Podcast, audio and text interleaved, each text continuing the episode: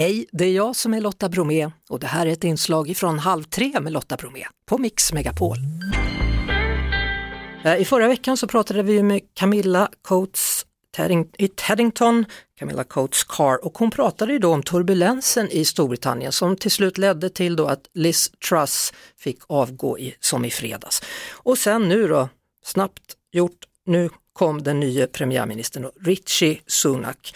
Eh, och Camilla, du hade ju rätt om allting, hela världen upp och ner, inte minst i Storbritannien. Ja, och det blev ju bara en kandidat till slut. Ingen röstning från partimedlemmarna, men det känns nu som om alla stöder honom.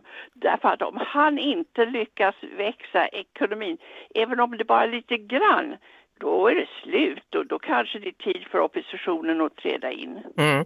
Han sa ju då i sitt tal här, Richie Sunak, att han ska försöka laga eller fixa misstagen som Liz Truss har gjort. Jo, men då har de ju redan gjort en hel del. De har ju vänt på det mesta. Det kanske blir mer sen. Men han har i alla fall uttryckt att han har compassion. Eh, alltså han, han känner för dem som har det jobbigt och han vill hjälpa dem. Mm. Och det gjorde han ju genom pandemin också så att han blir nog bra. Ja, det måste väl vara så, annars orkar man ju inte. Det här är ju alltså Storbritanniens tredje ledare på sju veckor. Ja, och, och du vet att han trädde ju bara in i parlamentet 2010.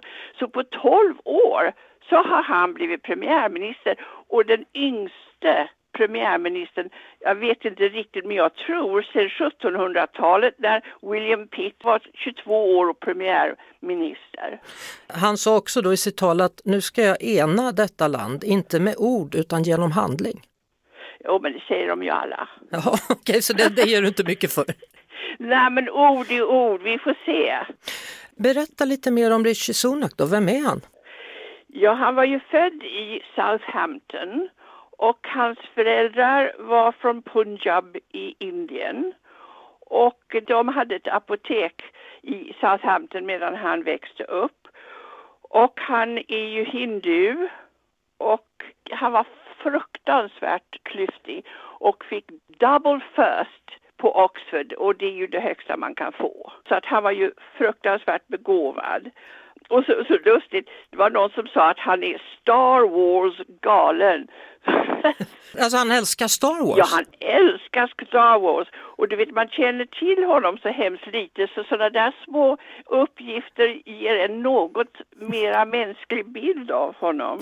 Jag har också hört att han älskar Coca-Cola. Ja, det har jag inte hört. Jag har inte hört.